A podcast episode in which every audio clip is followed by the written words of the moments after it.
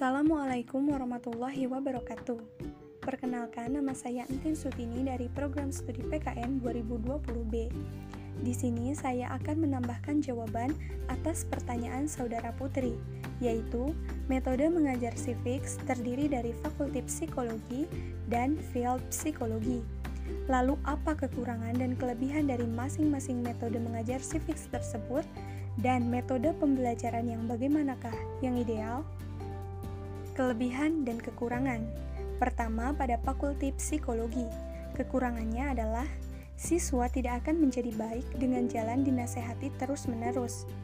Tidak ada kesempatan meneliti atau menyelidiki, dan tidak ada kesempatan untuk menilai.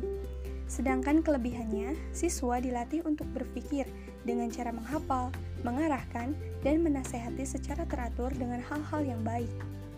Kedua, pada field psikologi, Menurut saya, dalam metode field psikologi tidak ada kekurangannya, karena metode ini beranggapan bahwa proses belajar yang dinamis dan demokratis dianggap lebih efektif dan akan memperoleh nilai yang sebenarnya.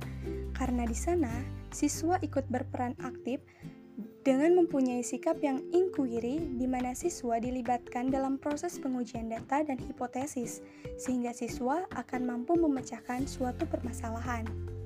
Sedangkan pembelajaran civics yang paling ideal menurut saya adalah field psikologi.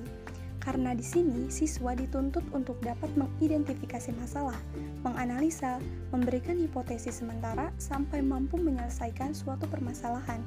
Selain itu, siswa juga diajak untuk berdiskusi bersama, yang tujuannya adalah untuk mengemukakan pendapatnya tentang suatu permasalahan. Artinya, siswa diajak untuk mampu berpikir secara kritis dalam menghadapi setiap permasalahan.